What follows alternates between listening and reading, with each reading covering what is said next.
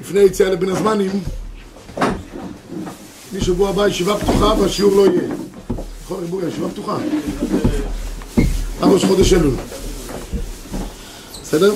אז אנחנו היום נעסוק בחלק האחרון של ענייני החורבן עמוד 52 מה אנחנו צריכים לעשות לזכר חורבן ירושלים? אז יש כאן גמרא נפלאה מסגת בבטרה דף ס' עמוד ב' נעבור על הגמרא ביחד. אומרת הגמרא תנו רבנן כשחרב הבית בשנייה רבו פרושים בישראל. לא לאכול בשר, לשתות יין. פל אליהם רבי יהושע, אמר להם בניי, מפני מה אתם אוכלים בשר ואתם שותים יין? עמוד 52, מקור אחד. אמרו לו, חלק י', צורו מרבנן. ישיבת רמת גן אמרו לו, נאכל בשר, נאכל בשר שמקום על גבי המזבח עכשיו בטל נשתה יין שמנסחים לו לגבי המזבח ועכשיו בטל אמר להם אוקיי, לא נאכל לחם, שכבר פתלו מנחות, אמרו לא, אפשר בפירות אמרו לו, אמר להם גם פירות לא טוב, שכבר פתלו ביקורים, אפשר פירות אחרים מים לא נשתה, שכבר בטל ניסוך המים, שתקו אמר להם, בניי, בואו ואומר לכם, שלא לדבר כל עיקר אי אפשר, גזירה גזירה אבל להתאבל גם יותר מדי אי אפשר שאין גוזרים גזירה לציבור, אלא כן רוב יכול לעמוד בה, דכתיב במהרה אתם נהרים, עוד אתם קובעים וגוי כולו אז יש כאן לכאורה איזשהו סדר בגמרא מה כן ומה לא. אז להתאבל יותר מדי אי אפשר. אני יודעתי זה לא רק הפשט בגמרא רק בגלל שהציבור לא יכול לעמוד. כי צריך גם תקווה. שמתאבלים יותר מדי זה מראה שיש כבר ייאוש. אנחנו לא מיואשים. אנחנו מקווים שבעזרת השם זה יהיה. תכף אספר לכם איזה סיפור, סיפור חסידי. בקיצור מה כן נשאר לנו מכל העניין הזה? הגמרא מביאה פה ארבע אפשרויות. אחד סד בסיד. שניים בצורכי סעודה עושים גם זכר לחורבן.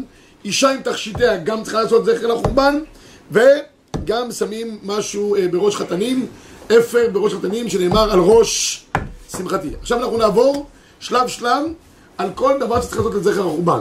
הדבר הראשון שניגע בו זה עמוד 53 ב' שיעור אמה על אמה, מקור שלוש. אלא כך אמרו חכמים סד אדם את ביתו בסיד ומשייר בו דבר מועט. כמה אמר רב יוסף? אמה על אמה. אמר רב חיסדא כנגד הפתח. זה אחד מהדברים שצריכים לעשות אותם וזה נשאר לנו הלכה למעשה בכל בית יהודי כנגד הפתח אמה אמה שהיא לא מסוידת. תראו כשאת השולחן ערוך במקור ארבע שחררה בית המקדש. תקנו חכמים שיראו באותו הדור שבונים עולם בניין מסויד ומקויה כבין המלכים אלא תח ביתו ביתית וסד בסיד ומשאר מקום על אמה על אמה כנגד בלא סיד. זה הוורד. הקיר ייראה חסר ייראה לא גמור זה העניין. והלוקח חצר מסוידת ומקוירת הרי זו בחזקתה תכף נבין ואין מחייבים אותו לקלוף בכתלים עכשיו פה באה המשנה ברורה וכותב שצריך שיהיה סיד נקי בלי שום דבר אחר שיהיה. הוא אומר שלא יהיה לא מקויר ולא מצויר וכולי. יש כאלה שעושים המעלמה אבל בסוף זה נהיה יותר יפה מכל חלקי הבית. הם גם כל מיני ציורים על הכותל זה, זה לא, זה לא העסק. העסק שיראה, יראה רובן אני, עשינו צבע בבית, אמרתי לצבעי, שאלתי אותו לבד, תשאיר המעלמה. עשה את הכל, שכח. הוא בחור ספרדי, חם חורבן את הבית. שכחת המעלמה, הוא אומר, אין בעיה, בחר לי לתקן לך את זה. אני מגיע, הרס את הקיר. אה, ככה, הוציא את הצינורות החוצה, אני בא הביתה, חורבן כפשוטו. אמרתי לו, זה רק זכר לחורבן, זה לא... בסוף הוא בסדר, סידר את העניין. לא צריך שיראה חורבן, וגם לא צריך שיראה משהו יפה. צריך שיהיה משהו, שיראה משהו חריג בתוך כל הסלון. זכר, זה אומר שמישהו ייכנס ויראה, הוא יבין שזה זכר. למה צריך שזה יראה ממש חורבן? אם אני עושה, גם אם אני עושה משהו שהוא יפה, לא גיסי סיכת את הקיר בצורת ירושלים, זה משהו שהוא יפה. צורה של כותל. אבל מי שנכנס... אבל מבין שזה זכר לחורבן. תראה, בסופו של דבר, אם אתה עושה איזה ציור שהוא, אבל בלי, אבורטו בלי ציורים, תודה רבה. בלי ציורים ולא צבעים ולא ולא ולא עושה איזה סיטוט אבל זה בלי סיד, זה בסופו של דבר, זה אבו זה אמר למה בלי סיד? טוב, תגיד לי גזרך שיעשה שיפוצים טוב, עכשיו רבי ישי, איפה עושים את זה בדיוק? כנגד הפתח, כך אמר המחבר תראו את המשנה ברורה מקור 6 אין חופרות לכולם? טוב, יש באוטו אז אומר, אומר המשנה ברורה, היינו נוכח הפתח, כדי שיראה מיד שייכנס בפתח. אני אמרתי, למה נשאר לנו משהו באמת בבתים שצריכים לעשות? כי אדם בונה בית, חי בבית, צריך להגיד שהקדוש ברוך הוא, אין לו בית. אתה חי כמו בן אדם, הקדוש ברוך הוא הומלס. אתה יכול לישון בלילה שאבא שלך, תאר לך אתה יושן בבית, ואומרים לך, אבא שלך ברחוב יושב. אתה יכול לישון על מיטתך כמו שצריך? אמרתי, לכן צריכים לקום תיקון חצות. כמה זמן אתה יכול לישון שאתה יודע שאבא נמצא בחוץ? לפחות תתעורר, תבכה איתו, שיכאב לך. זה אבות. אז... אז... אה, דוד המלך נתן לנביא. כן, אין לך עיניים. אותו רעיון. אז כנגד הפתח שאתה נכנס, או יש אפשרות אחרת, אומר המשנה ברורה, בסלון, איפה שאתה יושב באופן קבוע, בזמן רב, מול העיניים שלך שיראה הדבר הזה. תראו מה שכותב כאן משנה ברורה. נגד הפתח כדי שיראה מיד שנכנס פתח, ויש שמניחים פנוי למעלה מן הפתח בגובה, לא נראה לנכנס, ואפשר כדי שיתראה תמיד לפני בעל הבית היושב בפנים, שעל הרוב הוא יושב אצל הקיר אשר נוכח פתח בית. בסדר, זה, זה, בדרך, זה בדרך, בדרך כלל מה שעושים. יש פה דיון לגבי העניין של המסדרון, אבל אלה שני האפשרויות. או כשאתה נכנס, מי שלא יכול כנגד הפתח, שיעשה במקום אחר שהוא רואה באופן uh, קבוע. בסדר? עכשיו, יש פה שערי תשובה. שערי תשובה מביא מחלוקת, כן? שיראה ויזכור, אבל שזה צריך להיות משהו כנגדו. לא באיזה מקום צדדי. שערי תשובה מביא מחלוקת, האם צריכים בכל חדר להשאיר אמה על אמה, או מקום אחד בלבד. יש כאלה שיטות, שאומרים שצריך שיהיה מקום, זה בשם המעריל, כי כל חדר נקרא בית. השאלת יעבץ כותב שלא. פעם אחת, סגי, גם הרב אליהו פוסק, ככה אנחנו נוהגים גם למעשה, מקום אחד בבית, מספיק לכל הבית כולו. אה, בית כנסת לא צריך, יש מי שרוצה להגיד שבירושלים אין צורך להשאיר אמה על אמה, אני רק רציתי לומר שמי שאומר את זה, זה רק בתוככי העיר העתיקה. בשאר חלקי ירושלים, המערבית והמזרחית שתהיה בידינו, אז, אז אה, שמה באמת יהיה אפשר, אה, אה, צריכים לשים. אבל שאר מי שנמצא בתוככי ירושלים עצמה, הוא לא צריך. דרך אגב, למשל אומרים הרבה פעמים, בהלכה מופיע שלפני השם זה נקרא, בירושלים לא צריך שיהיה ארון קודש כדי להגיד התחנו למשל, או אה, אה, מעין שבע. כל זה מדובר בתוככי ירושלים, זה ממש נוכח פני השם. שאר החלקים של ירושלים... החומות של היום או שבעיר דוד נניח... שנה טובה מה שאתה שואל עכשיו. נראה לי החומות, היום אין לך הגדרה אחרת. עיר דוד כבר מחוץ, אולי, לא יודע. לא אומרים מעין שבע? מה, מה? לא, יש, יש, אם זה לא בית כנסת קבוע, אבל יש כאלה שאומרים שבירושלים, גם זה לא מקום קבוע, אומרים, ככה מנהג. למה? הכל עכשיו כאילו יש ארון קוד, כאילו זה קבוע. ירושלים, ירושלים יש לה מעלה בפני עצמה. תראו בבקשה, במקור 12 במשנה ברורה. המשנה ברורה כותב, אותו שיעור צריך להיות בלא סיד. ולא כאותם העושים אמה שחור, זה גם כן נקרא ציור. יש מקומות שעושים שחור, קוראים לזה זכר לחורבן, ואותם התולים פרק דרעי כמעט סביב כל הקטנים, ישירו גם כן אמה על אמה. בפשט צריך להיות אמה על אמה, בלי שום דבר. בסדר? השאר הציון מביא שמי שעושה שחור, אז אין למחות ביד המקילים, והרב אליהו כותב במפורש ב-14, יש לשעיר אמה על אמה, בין אם צבעו את הקירות, אם צבעו את המטפט, אין לצבוע את מקום האמה על אמה, אפילו לא בצבע שחור, וגם לא, לעניות דעתי כל מיני ציורים וכיורים, פשוט כפשוטו. מקסימום לכתוב שם אם ישכחך ירושלים, אבל שיהיה אבן לא מסוידת כפשוטו. כנגד הפתח זה מעל המשקוף כמו שרואים בהרבה מקומות? מה? מה זה כנגד? כנגד, אתה נכנס, פאק, אתה פוגע בזה. כן. מעל המשקוף של הכניסה, כאילו, זה לא בקיר. אז אתה סובר כמו הדעה השנייה של המשנה ברורה, אתה יושב בסלון, אתה רואה את זה, כן. בסדר, מצוין, גם טוב. העיקר שבמקום המרכזי בבית יהיה לך המעלמה. המשנה ברורה כותב שגם לא שמים את, את ציור של הכותל המערבי, אה, אתם רואים ב-15, כאלה מקומות שוודאי אסור. אדרבה, זה נראה כעוד ציור, אה, אתה שומע רבנו? תגיד, תעדכן את ה... לא יודע שם מי שעושה את הזה, תראה לו את המשנה ברורה ב-15, לעשות על מקום זה צורה של הכותל המערבי. כתב על לימוקי אורח חיים, שוודאי אסור, אדרבה, זה נראה עוד כציור נוי לבית. לכן לתלות על אותו מקום תמונה של הכותל באופן שעדיין נראה חלק מהאמה על אמה מחוץ לתמונה, הרב קניאבסקי אומר שמותר, אבל בעיקרון צריך להשאיר משהו שהוא קרצן, נקודה. כמו שזה. טוב, עכשיו רבי ישראל יש פה שאלה גדולה, מה קורה אם אדם קנה בית והבית כבר מסויד, או מי ששוכר בית, האם הוא צריך גם לשים שם מעלמה? אז המגן אברהם, כתוב במחבר כתב שמי שלוקח בית מחברו, הוא אומר המחבר הרי הוא בחזקתו, הלוקח חצר מסוידת ומקוירת, הרי זו בחזקתה, לכאורה קנית בית חדש, והבית כולו מסויד, אתה לא צריך עכשיו להתחיל לגרד, המעלמה. אומר המגן אברהם, הלוקח חצר, תתנינן שנעשה קודם החורבן. הוא אומר, בתים שלא צריכים, זה כנראה שקנית בית שהוא היה קודם החורבן. בתים שקודם החורבן הבית, אין צורך. מישהו קנה פה ברמת גן משהו קודם החורבן, אז הוא פטור. אם קנית אחרי כן, אתה חייב. מה, מה, מה? מה, אין בתים אולי בירושלים? בירושלים? מה, הכותל היה קודם החורבן. בכותל לא צריך. אה, אה, כן, וכן הוא אומר שנעשה ביד עכו"ם ולקחה ישראל ממנו, אבל אם יודע שנעשה באיסור, חייב בקלפו, כך אומר המגן אברהם. אם לקח את הבית והקבלן גמר לך את הבית עד הסוף, עכשיו, עכשיו האם, הקבלנים בעצמם צריכים למכור בתים בלי המען המה, זה תכף שאלה שניגע בה. אתה בידעכם זה הפועל או. לא, היה, בעל הבית היה עכו"ם, זה הפשט. בסדר? גם, גם הרב אליהו כותב במקור 17, מי שקנה או שכר מיהודי דירה מסוידת שאין בה הנמה, חייב לקלוף את הקיר. תבדקו רק מה שנת בניית הבית. אם באמת זה היה קודם החורבן, לפני אלפיים שנה בערך, 1900 זה, אני, יש לכם אה, היתר ממני במפורש לא לעשות את זה. שתי שאלות. כן. אה, לעניין אה, בתים בחו"ל, מה ההבדל? אותו דבר. עוד יותר. עוד יותר. צריך שני אמות. בכל חדר. ואם אתה קונה בית מ... מה? לא יהודי? לפני שנייה למדנו שגם לקח אותם מעכו"ם חייב לקלפו. בסדר? עכשיו, גם מי שנכנס לבית סחור חייב, חייב לעשות אמה על אמה. אה, אם הבעל הבית רוצה לעשות, בבקשה. בעיקר הדין זה היה חובה על בעל הבית, כי מה שקשור לכתלים, מצד חושן משפט, אני מדבר איתכם סוחר ומשכיר, דיני סוחר ומשכיר, זה חובה על הבעל הבית. אבל אם הבעל הבית לא עושה, אז צריך לבקש ממנו רשות ולעשות, תראו בבקשה ב-18, אני נכנס לגור בבית בשכירות חודשית, אם הסוחר מסייד את הבית, אם המשכיר מסייד את הבית, הסוחר חייב להשאיר אמה על אמה, אבל אם אינו מסייד מחדש, אין על הסוחר חייב לקלוף את אמה על אמה, שהמשכיר יהודי מצד דין חייב, ואם רוצה לקלף, אסור לעשות זה לא נטילת רשות, צריך לבקש ממנו רשות, כי זה שייך לעצם הכתלים. כתלים, ה- ה- המשכיר הוא הבעל הבית. מה זה לקלף? זה לשבור את הקיר. לא, זה לא, זה לא לשמור את הקיר, למה?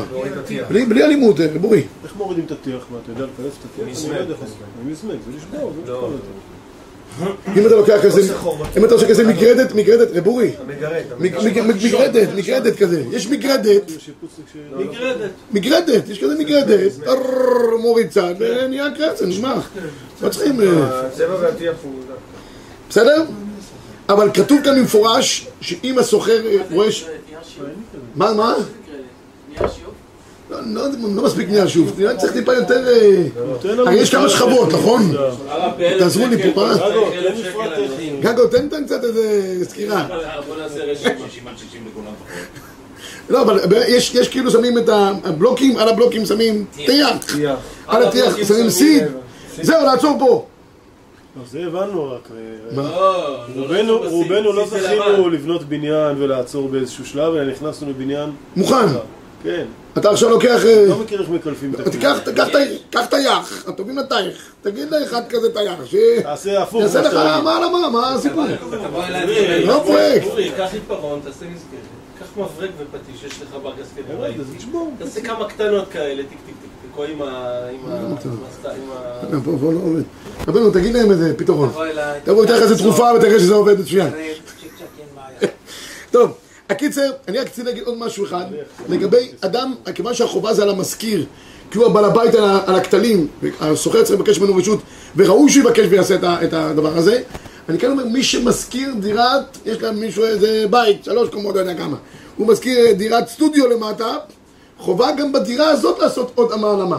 כל יחידת דיור בפני עצמה, לא, הפויסקים לא הביאו את זה, אבל לעניות דעתי זה פשוט. בעמידר זה כל חדר. שם לא צריך, זה עמידה, זה עצמו הוא מזכיר לחורבן. אה, אה, חורבן- חורבן על חורבן. לא מבני ציבור לא צריך, רק בתים פרטיים. לא, לא צריך. לא בתי כנסיות, לא בתי ספר, לא אולפנות. אה, אה, אה, זה בסדר. בסדר? אה, שם יש מספיק בלאגן גם ככה, לא צריך אבל זה כן אני רוצה לחדש, שמקום שיש יחידות דיור נפרדות בבית אחד באופן כזה או אחר, יש כאלה שבונים, יש להם כל מיני אה, טלאי, אה, כל יחידת דיור שגרים משפחה, הם צריכים לזכור את העניין של החורבן. וחובה, כמו שאמרתי לכתחילה, על המזכיר, ואם לא, הסוחר מבקש רשות. טוב, מה קורה בשיעור בימינו אנו? המשנה ברורה צועק צעקה, תראו מאוד מעניין, מקור 19 ו- ו- והנה בזמננו לא נהגו לשייר ויש כאלה שסומכים על המקלים, למה? כי יש סבירה להודי אחד עירב חול שוב לא מקרה בשם סיד.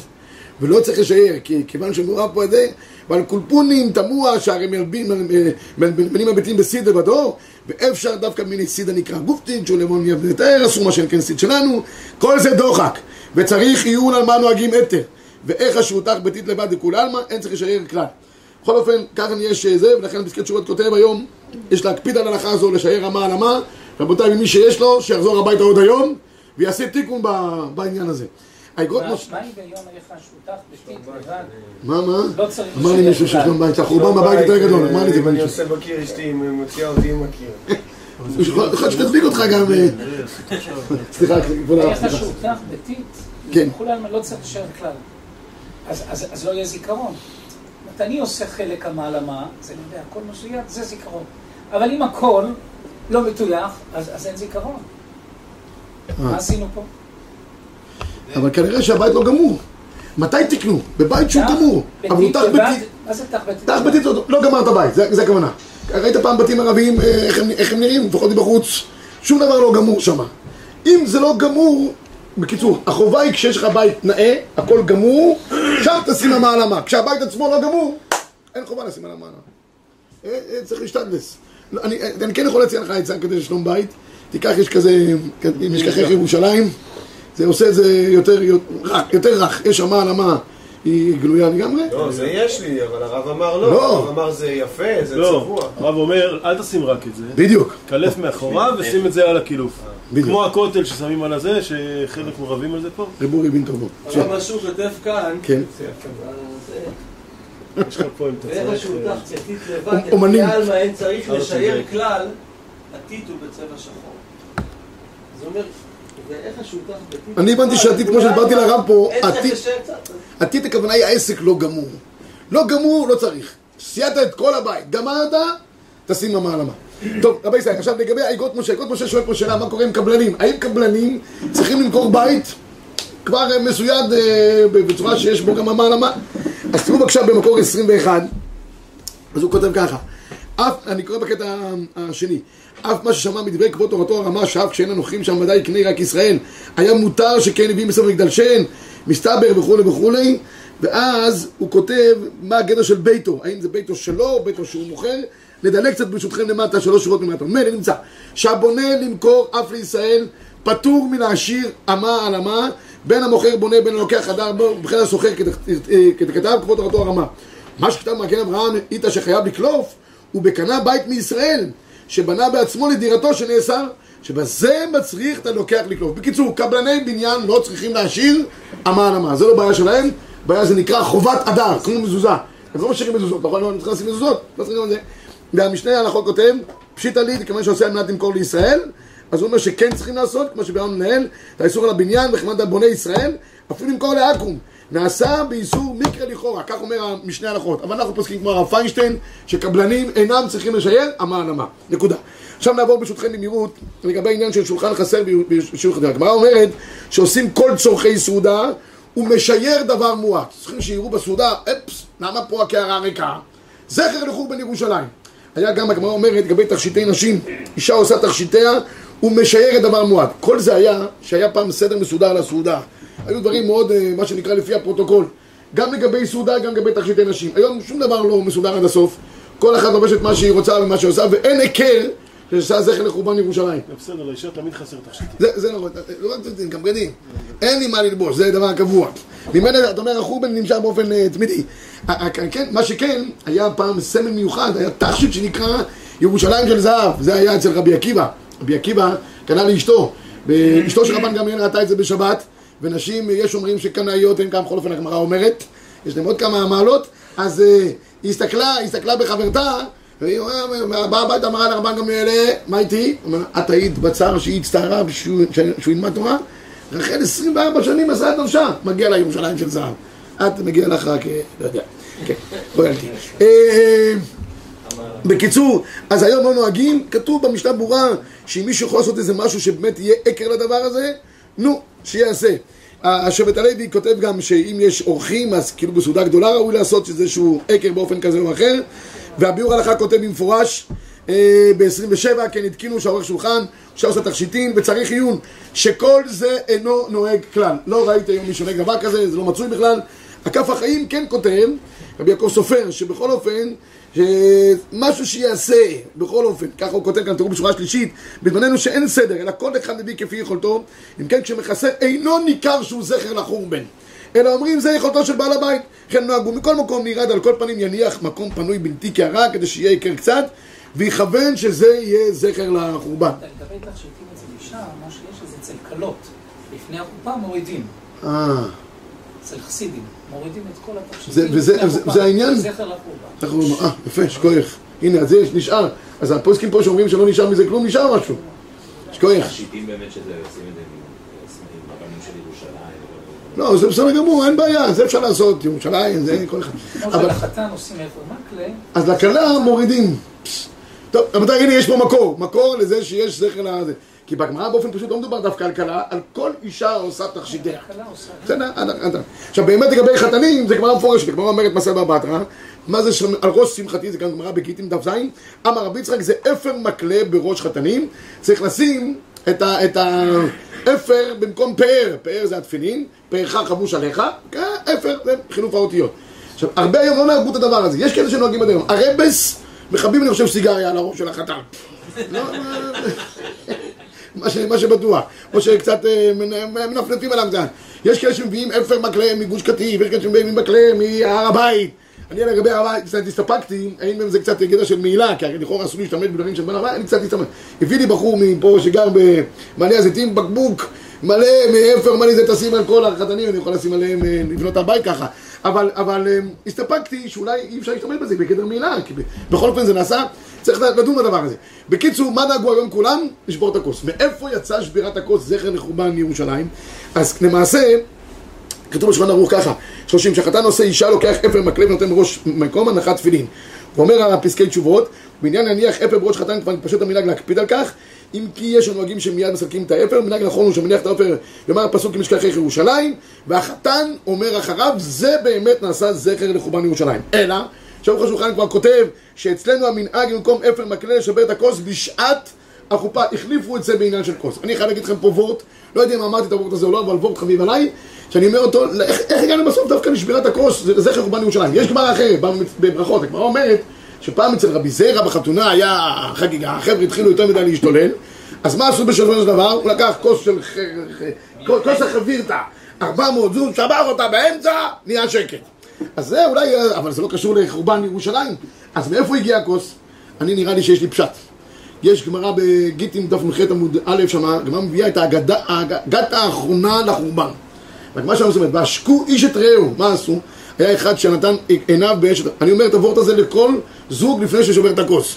אומר, תגידי, אני שואל אותם, איך הגיע הכוס לזכר חורבן ירושלים? אני אומר, תקשיבו טוב, בעצם השבירה עכשיו תתחילו גם את בניין ירושלים. למה? כתוב שאחד, היה שולי דנגרי, נתן עיניו באשת רבו. מצא את... אה, טוב.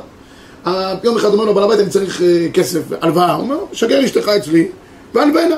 שיגר אשתו אצלו. שלושה ימים לא חזרה הביתה. היום אחרי חצי שעה אתה כבר מקבל אס.אם.אס.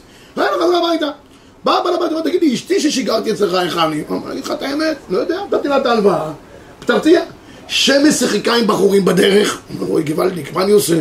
ואני אומר לך, תגרש אותה, איך אתה יכול לחיות עם אישה כזאת? הוא אומר אבל אין לי מזומנים לשלם כתובתה? אני אתן לך גם הלוואה כתובה.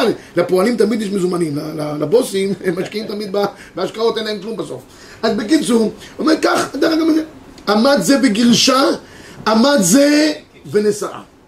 כשהגיע מועד הפירעון, אמר לו, תשלם, אמר, אין לי, אמר, אין בעיה, תבוא ותשמש אותי.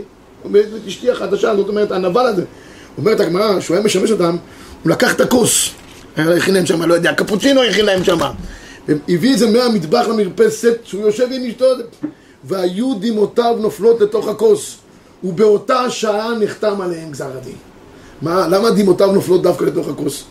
כוס דבר מאוד אישי. סעודה, כל אחד יש את הכוס שלו, אף אחד לא לוקח את הכוס. צלחת יותר מרכזית.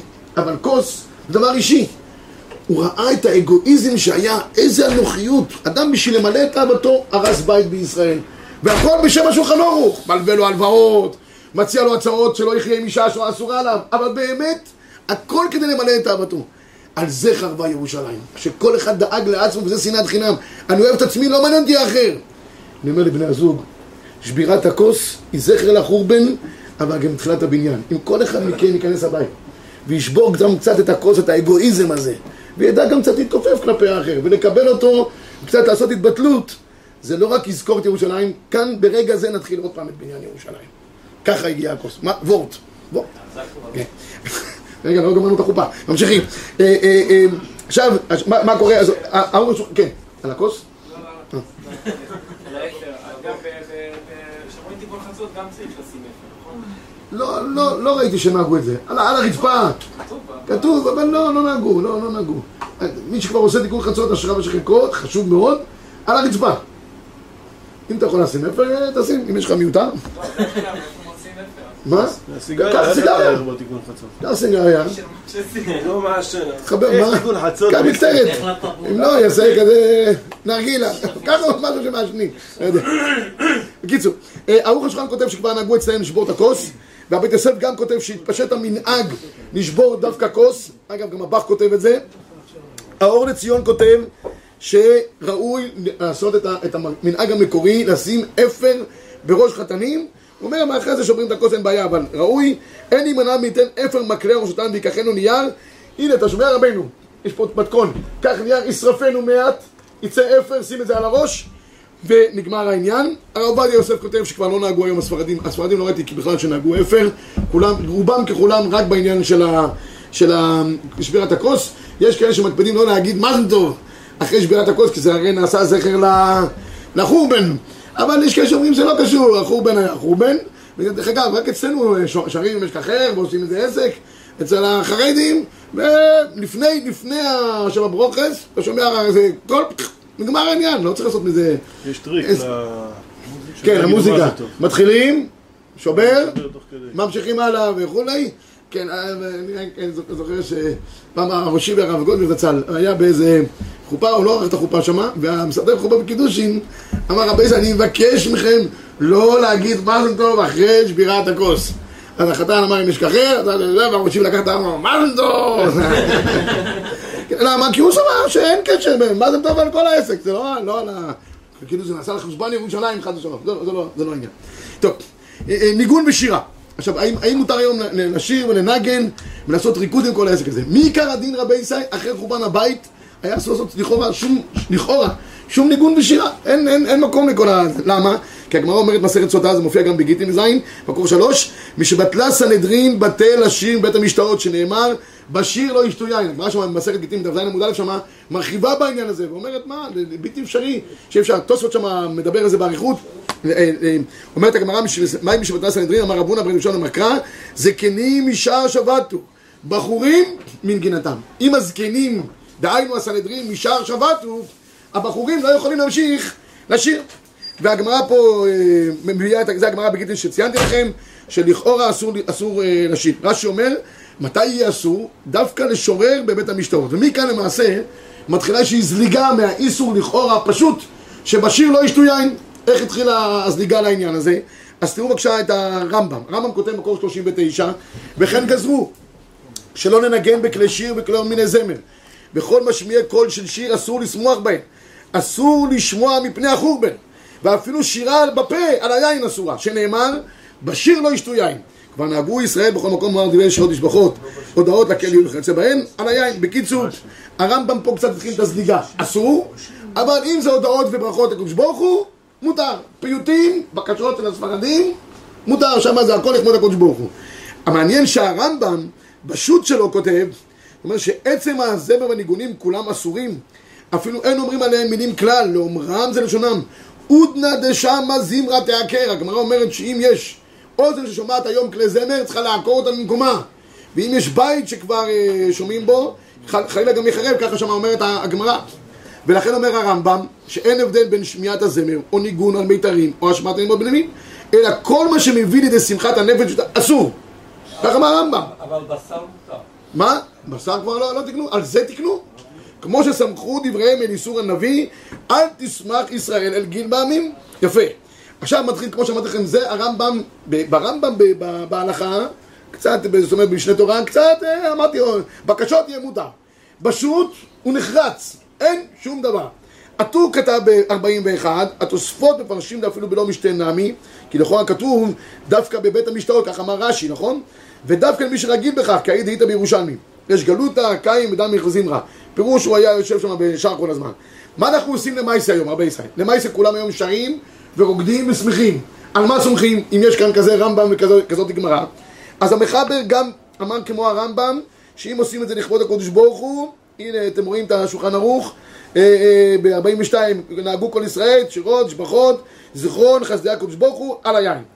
הרמ"א הלך עוד שלב אחד קדימה, וכן לצורך מצווה, כגון בית חתן וכלה, הכל שרי. הרב אליהו כתב שדווקא כששותים יין, אז לא לשורר ולשיר, אבל לשרים הפה לא נגינה. אבל אם שרים שירי הודעה בשם הקדוש ברוך הוא, גם מותר. בא הרב עובדיה יוסף, בשו"ת איכה ודת, עובדיה יוסף חיבר שני שו"תים. שו"ת אחד הוא חיבר, יביע עומר, זה הוא חיבר שו"ת, זה הוא כתב בגיל 20 הוא התחיל לכתוב את השו"ת הזה, שהוא היה הרב הראשי למצרים, בגיל 20 הוא היה הרב הראשי למצרים. ואז הוא חיבר את הגיע אליו שם שאלות מכל העולם, כל תשובה שם רק מתחילה, אף פעם לא נגמרת. זה היה אה, תשובות, באמת, מי שרואה את התשובות שם זה גאוניות שהיא בלתי נתפסת בדור שלנו, בלתי נתפסת. זה ידע... ואיכה בדעת זה שו"ת יותר רגוע, אה, יש מקורות, יש 100-150 מקורות בכל תשובה, כן? אין מה לדאוג. שם יש 2,000 מקורות בכל, בכל תשובה. אני לא צוחק, 2,000 מקורות כמעט ספרתי כעת, שהוא כותב במקבץ שהוא כבר חוטף איזה קריזה על איזה זה שזה, וכן כתב, וכן כתב, וכן כתב, וכן כתב, לך חצי עמוד. בלתי נתפס. אז באיכה בדעת זה שאלות שנשאלו ברדיו. מי שזוכר, היה פינת, פינת ההלכה ברדיו, אני זוכר את זה בתור ילד, היום אנשים שומעים את זה. שאלה, האם מותר לקפוץ מהגג? תשובה, אה, זה וזה, והיה מביא את כל המקורות, אני זוכר בתור ילד, אכן כתב, אכן כתב, אכן כתב, אכן כתב, הרב עובדיה בעצמו היה... זה, בסיכום. ככה בנוי גם האיכה בדעת. שאלה, התשובה במקורות, בסיכום, התשובה בצורה מסודרת. אז שאלו אותו האם מותר היום לשמוע כלי, כלי זמר וכולי, אז הוא כותב, אז הוא מביא פה איזה דין של ספק ספיקא. האם באמת אנחנו פוסקים דווקא ביין? האם פוסקים כמו הרמב"ם? מביא כאן מחלוקת, בגלל ספק ספיקא הוא כותב שיהיה גדר שמותר. בטח שיהיה מותר לצורך שמחת חתן כלה, פדיון הבן, סיום מסכת, שכל אלה הם ודאי אה, גדרי שמחה. מותר לכתחילה, ומצווה נמי איכא, אומר הרב עובדיה, וכן בחול המועד, שמחת בית השואבה, יש עניין, לשמוח וכולי, אז יש אין בעיה. על מה פוסקים היום שאם זה לא בתוך מגד- מגדר של מצווה, כגון שמחת חתן וכלה, גם בכל אופן אנחנו רוקדים ושמחים ברוך השם בישיבה פה, יש שמחה גדולה, על מה סומכים? יש מקור 45 פסקי תשובות מאוד מעניינים. הוא כותב כך, ובזמננו נתפשט בין ההמונים לשמוע נגינה ושירה מכלים שונים. יש אברהם פריד בברכת הסולטן, שם בזה. על מה סומכים? שם זה לא מצווה, זה סתם אה, בין הזמנים. מה העניין? הסיבה היא, כמו שכתוב כאן, כתבו גדולי הפוסקים לאמץ זכות על זה עקב חולשת הדורות והעצבים הרופפים בימינו.